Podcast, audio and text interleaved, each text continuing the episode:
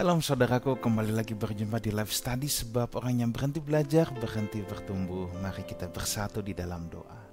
Bapa berbicaralah kepada kami pribadi lepas pribadi. Kami menantikan firman-Mu. Dalam nama Tuhan Yesus kami berdoa. Amin. Saudaraku, kita sudah sampai pada bagian yang terakhir dari Injil Yohanes pasal yang ke-11. Kita akan membahas dengan cepat ayat 33 sampai yang terakhir ayat yang ke-57 ya. Saya akan mulai dengan ayat 33 sampai 37 terlebih dahulu. Ketika Yesus melihat Maria menangis dan juga orang-orang Yahudi yang datang bersama-sama dengan dia, maka masgullah hati Yesus hatinya, ia sangat terharu dan berkata, di manakah dia kamu baringkan? Jawab mereka, Tuhan, marilah dan lihatlah. Maka menangislah Yesus. Kata orang-orang Yahudi, lihatlah betapa kasihnya kepadanya. Tetapi beberapa orang di antaranya berkata, ia yang memelekan mata orang buta, tidak sanggupkah ia bertindak sehingga orang ini tidak mati. Saudara, di sini kita dapat melihat betapa hati Yesus penuh belas kasihan. Batin Yesus terharu dan gundah gulana melihat Maria menangis. Maria memiliki konek aktivitas. Hatinya begitu melekat, begitu connect dengan Yesus. Waktu ketemu Marta, Yesus belum nangis. Tapi waktu ketemu Maria, Yesus menangis, saudara. Maria ini betul-betul orang yang duduk dekat kaki Tuhan, kesukaannya bersekutu dengan Tuhan. Maka hati dia begitu melekat, saudara. Yesus seakan-akan bisa ada transfer kepedihan, ada empati yang begitu mendalam, saudara. Bukannya Yesus tidak peduli dengan Marta, bukan itu. Tetapi di sini kita bisa melihat kalau seseorang dekat dengan seseorang, contoh, kalau saudara begitu mengasihi contoh pasangan hidup saudara, anak-anak saudara, ketika mereka sedih kita bisa merasakan kesedihannya, itu loh. Ya. Makanya sekali lagi kuncinya itu dekat di kaki Tuhan saudara. Kalau saudara dekat di kaki Tuhan ya, kita nggak usah cangcingcong ABC ABC. Itu getarannya aja udah sefrekuensi itu luar biasa saudara ya. Ya jadi dia itu betul-betul terkoneksi. Tapi kan untuk bisa terkoneksi seperti ini tidak bisa dadakan. Hubungan itu tidak bisa dadakan konstan dibangun dengan waktu. Nah, ya. Saudara bisa dekat sama orang bisa sampai klik nyambung. Itu nggak bisa dadakan. Perlu waktu dibuild terus, dibangun terus. Pasangan suami istri nggak bisa dadakan juga. Belajarlah mengenal pasanganmu setiap hari, saudara ya. Bahkan Yesus sampai ikut menangis. Yesus sangat memahami penderitaan Maria Saudara, kalau saudara dekat dengan kaki Tuhan, percayalah, ada hati yang terhubung antara saudara dengan Tuhan. Melihat tangisan Yesus, orang-orang di sana punya dua persepsi. Yang pertama, mengartikan dengan baik dan tulus. Lihat betapa kasihnya padanya. Tapi yang kedua, selalu ada regu nyinyir, saudara ya. Regu nyinyir itu tidak bisa kita hilangkan, saudara ya. Tangisan yang kelompok kedua adalah tangisan ketidakmampuan Yesus menolong sahabatnya sendiri. Sambil nyinyir dan berkata, Wah dulu melekin mata orang buta, masa enggak sanggup bertindak? Ya, Ayat 38, maka masgiulah pula hati Yesus lalu ia pergi ke kubur. Kubur itu adalah sebuah gu gua yang ditutup dengan batu. Saudara, saya mau bercerita sedikit di ayat ini. Saya sengaja stop sebentar di ayat ini. Kubur zaman dulu itu bukan kubur seperti kita sekarang. Kalau kita yang namanya dikubur, literally betul-betul digali tanahnya, diletakkan mayatnya, ditimbun lagi. Tetapi kubur zaman dulu itu banyak kubur ya pada umumnya itu hanya goa yang berbatu.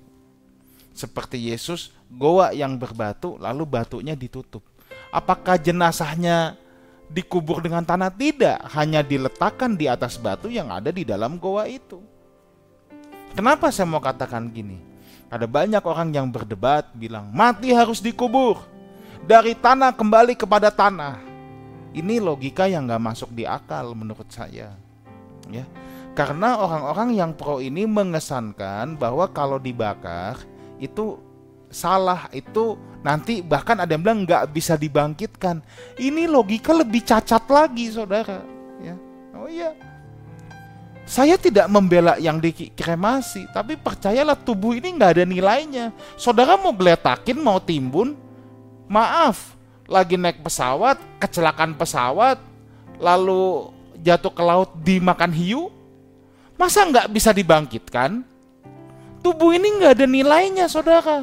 Mau dibakar, mau dimakan hiu, mau digeletakin, mau ditimbun dalam tanah, itu bukan bukan menjadi titik ukur apakah kita dibangkitkan sama Tuhan atau tidak. Saudara jatuh di laut dimakan hiu, dibakar habis jadi debu, diletakin di tanah juga jadi juga jadi cacing dan belatung. Yang benar adalah ukuran kebangkitan kita adalah nurani kita, roh kita. Nanti Tuhan berikan tubuh yang baru. Yang diributin tuh jangan tubuh yang lama jadi kalau orang bilang harus dikubur dengan pengertian timbun dengan tanah, ya saya bisa berargumen juga. Zaman dulu kuburnya cuma digeletakin kok, kagak pakai tanah. Kenapa kita nggak digeletakin sekarang? Apakah mereka yang uh, zaman dulu yang cuma digeletakin gitu terus tidak bisa dibangkitkan? Kan itu tidak kembali kepada tanah. Jadi mengartikan Alkitab itu tidak boleh harafiah, saudara ya.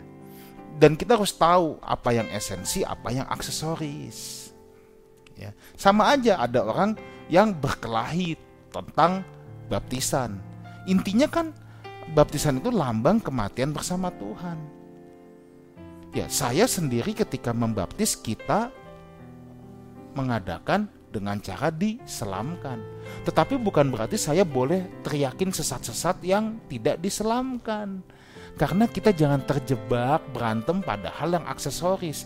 Esensi itu jauh lebih penting daripada yang aksesoris. Ayat 39. Kata Yesus, angkat batu ini. Marta, saudara yang meninggal itu berkata kepadanya, Tuhan, ia sudah berbau.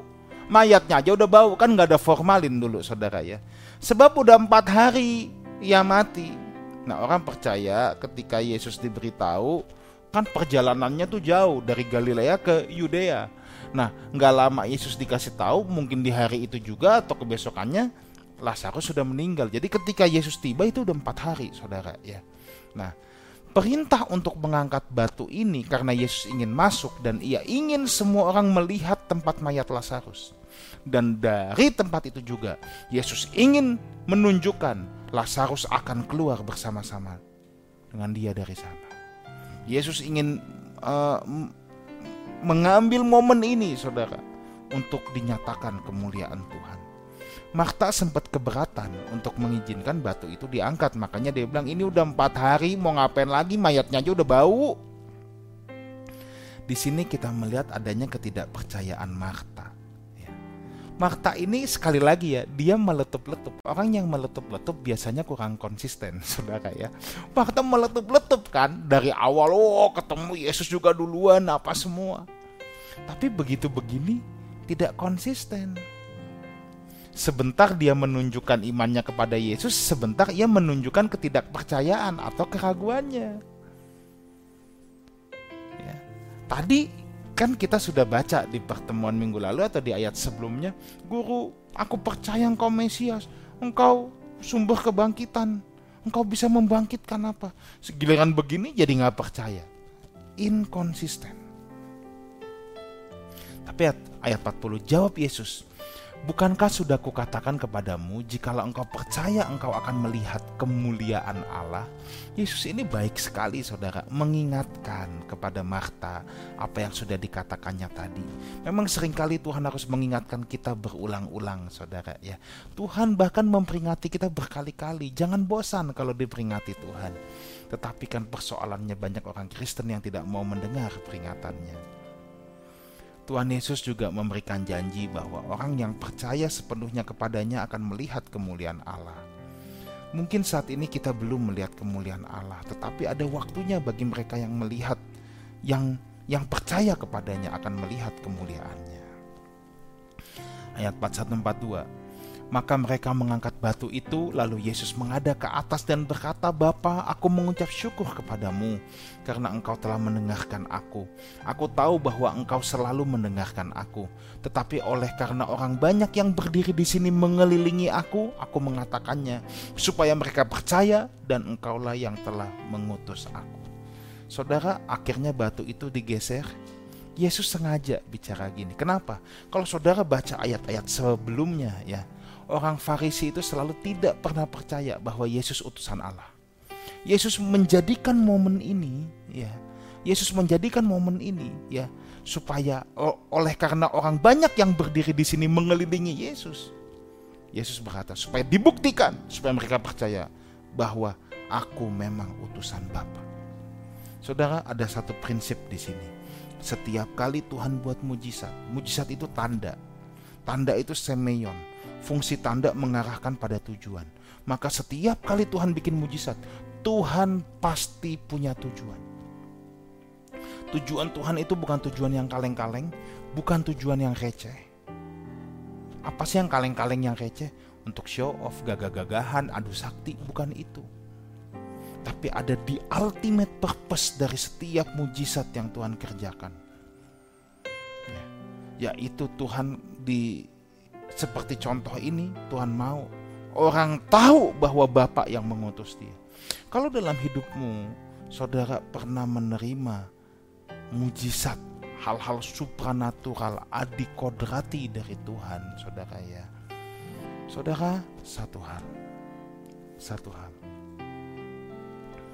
Saudara jangan pernah berhenti sampai pada mujizat itu sendiri tapi saudara harus mencari apa tujuan Tuhan di balik semua ini. Itu jauh lebih penting daripada mujizatnya itu sendiri. Ada banyak orang terima mujizat stop pada mujizat dan dia kehilangan tujuan Tuhan yang paling utama dari mujizat itu. Ya.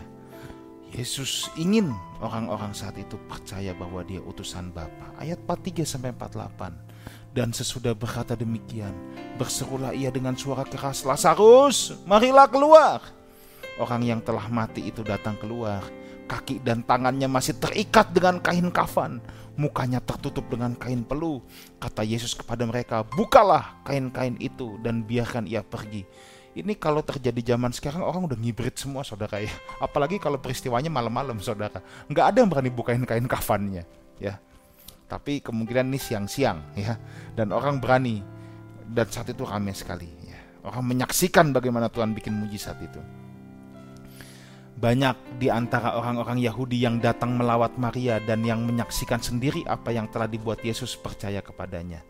Tetapi ada yang pergi kepada orang-orang Farisi dan menceritakan kepada mereka apa yang telah dibuat Yesus itu. Lalu imam-imam kepala dan orang-orang Farisi memanggil mahkamah agama untuk berkumpul dan mereka berkata, "Apa yang harus kita buat? Sebab orang itu membuat banyak mujizat.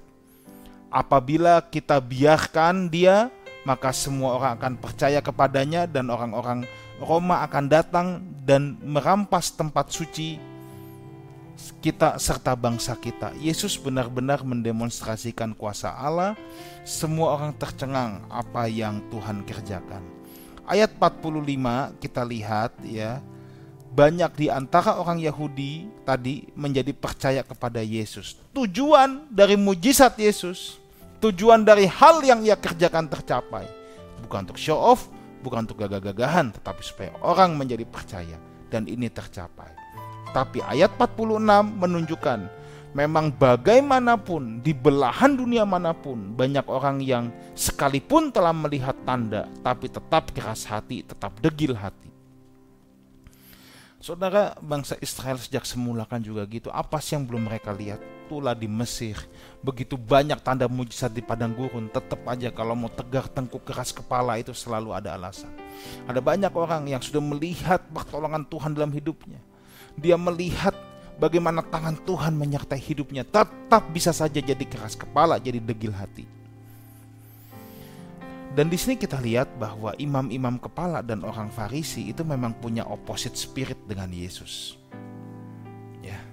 Sebenarnya mata mereka itu memang telah dibutakan. Mereka melihat bahwa Yesus ini memang luar biasa. Banyak tandanya bahwa dia Mesias.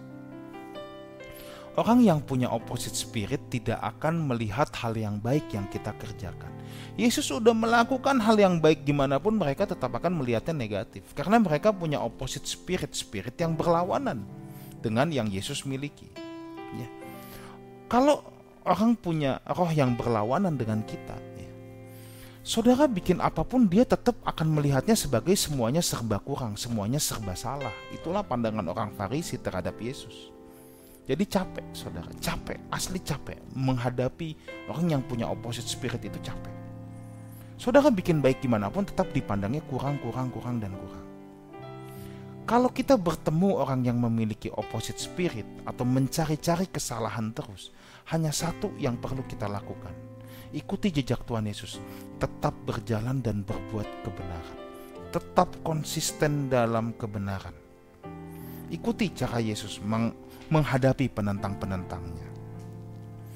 Sebenarnya dari apa yang orang-orang Farisi, ahli Taurat, imam-imam kepala ucapkan, mereka membenarkan bahwa apa yang Yesus kerjakan itu adalah fakta yang tidak terbantahkan.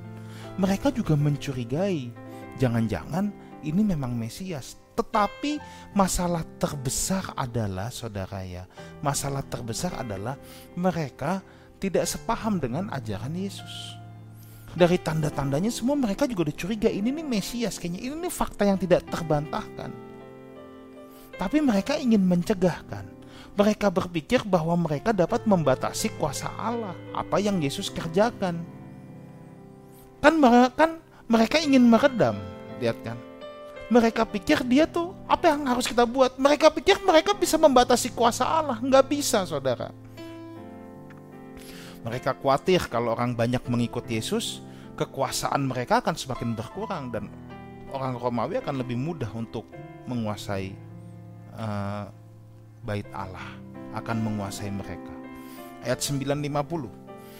Tetapi seorang di antara mereka yaitu Kayafas imam besar pada tahun itu berkata kepada mereka, "Kamu tidak tahu apa-apa." Dan kamu tidak insaf bahwa lebih berguna bagimu jika satu orang mati untuk bangsa kita daripada seluruh bangsa kita ini binasa. Kayafas adalah ketua mahkamah agama saat itu sekaligus imam besar saat itu ya. Seperti yang saya katakan tadi, mereka sebenarnya sudah punya dugaan kuat bahwa Yesus Mesias, tapi persoalannya ajaran Yesus sangat bertolak belakang dengan apa yang mereka ajarkan dan pahami. Singkat cerita, Kayafas secara tidak langsung berkata harus ada cara untuk membunuh Yesus. Ya, ya kan dia bilang bahwa lebih berguna bagimu jika satu orang mati. Enggak, ini sebenarnya kata kasarnya adalah Kayafas itu harus ada cara untuk bunuh Yesus. Kayafas tidak lagi bicara Yesus harus dibungkam, harus dipenjara. Enggak, Kayafas ingin Yesus mati.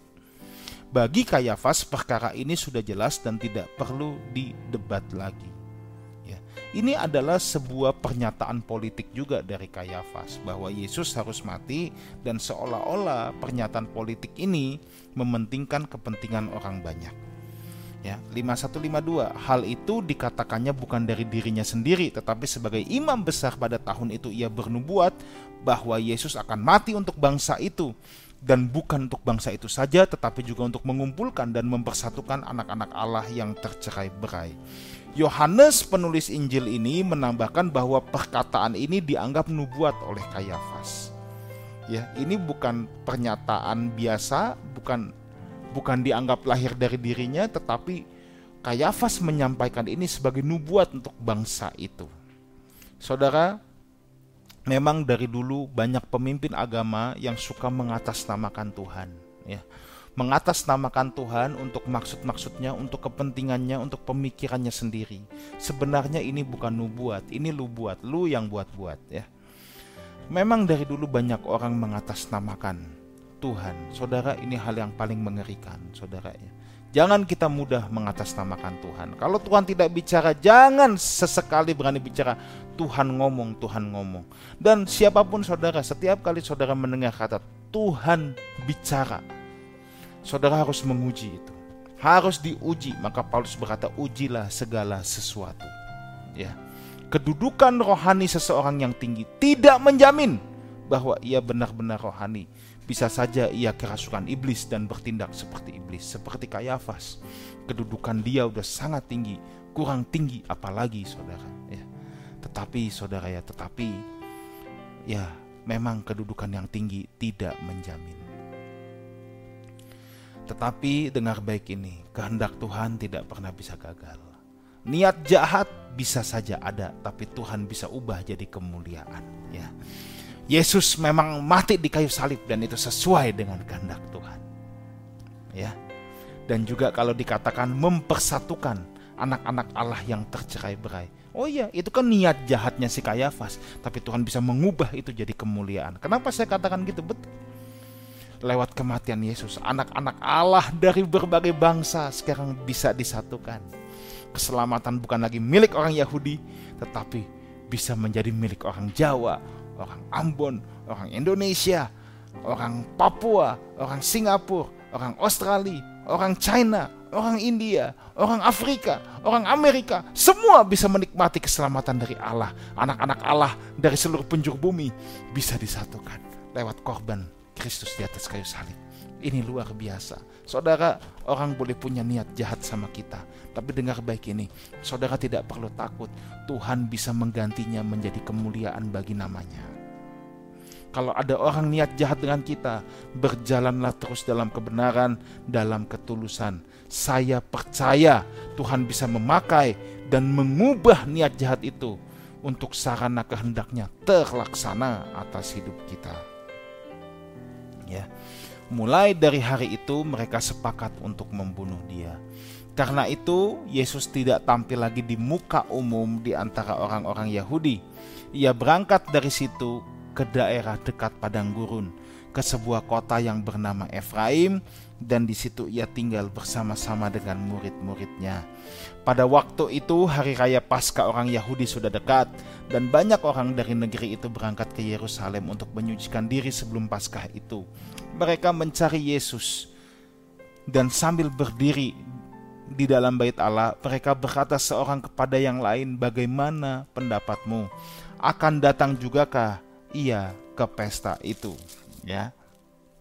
Ayatnya yang kelima tujuh yang terakhir Sementara itu imam-imam kepala dan orang-orang Farisi telah memberikan perintah Supaya setiap orang yang tahu di mana dia berada memberitahukannya agar mereka dapat menangkap dia. Saudara, kesepakatan di antara mereka sudah keluar, yaitu mereka ingin sekali membunuh Yesus. Tetapi sekali lagi saya harus tekankan, Yesus mati karena kehendak Bapaknya. Ya, sejak semula ia turun dari sorga memang untuk mati di atas kayu salib, saudara. Ya. Yesus bukan mati karena orang Farisi, imam kepala, dan lain sebagainya bukan karena ditangkap orang-orang jahat. Itu sebabnya Yesus menyingkir bukan karena ia pengecut. Ia menunggu waktu yang pas, saudara. Ya, ia ia menunggu waktu bapaknya. Dia bukan pengecut, bukan bukan ngumpet, tapi dia menunggu waktunya Tuhan. Saudara, hidup dan mati kita itu di tangan Tuhan, saudara. Ya, hidup dan mati kita itu di tangan Tuhan. Saya mengatakan ini bukannya berarti kita nggak menjaga kesehatan, kita nggak mengusahakan yang terbaik untuk hidup kita Ya, hidup dan mati di tangan Tuhan, sehat atau enggak itu di tangan kita. Ya. Jadi gini, kalau orang udah usianya Tuhan tetapkan sampai 70, ya udah 70. Tapi dalam 70 ini kan kita sehat atau enggak adanya di tangan kita. Jadi kita jangan takut terhadap apa pun, saudara. Ya. Hidup dan mati kita enggak bukan di tangan manusia, bukan di tangan keadaan, di tangan Tuhan. Percayalah pada waktunya Tuhan. Dan untuk mengisi itu, lakukan yang terbaik. Dan dikatakan Yesus pergi ke Efraim. beberapa ahli mengartikan itu ke Efrata, menyingkir dulu. Efrata di Bethlehem, tempat ia dilahirkan, yang berbatasan dengan padang gurun Yudea. Yesus mengundurkan diri, mempersiapkan diri untuk klimaks kedatangannya ke bumi ini, yaitu mati disalibkan. Dan momen itu tuh uh, bapaknya Tuhan memilih ya. Tuhan memilih ketika Yerusalem sedang merayakan Paskah. Paskah adalah hari raya terbesar umat Yahudi di mana orang-orang Yahudi dari seluruh penjuru dunia, orang Yahudi perantauan ikut datang ke Yerusalem pada saat Paskah dan pada saat itulah Yesus memilih waktunya, waktu Bapaknya untuk dia mati disalibkan dan seluruh mata tertuju pada Golgota. Tuhan Yesus menyertai kita semua. Amin. Mari kita berdoa. Matraikan isi hatimu ini dalam lubuk hati setiap anak-anakmu. Dalam nama Tuhan Yesus kami berdoa. Amin. Saudaraku, sampai jumpa ya kalau saudara berdomisili di Jakarta dan sekitarnya, khususnya Jakarta Barat, hadirilah Sunday Service Ibadah Raya Lifehouse Community jam 10 pagi waktu Indonesia bagian Barat. Datanglah sebelum jam 10 supaya parkirnya masih enak saudara ya. Dan saya percaya saudara akan diberkati. Kita bisa bersekutu bersama, beribadah bersama. Berlokasi di Wang Plaza, Jakarta Barat, Jalan Panjang, Kedoya. Lantai 2. Sampai jumpa di live study minggu depan. Sebab orang yang berhenti belajar, berhenti bertumbuh. God bless you.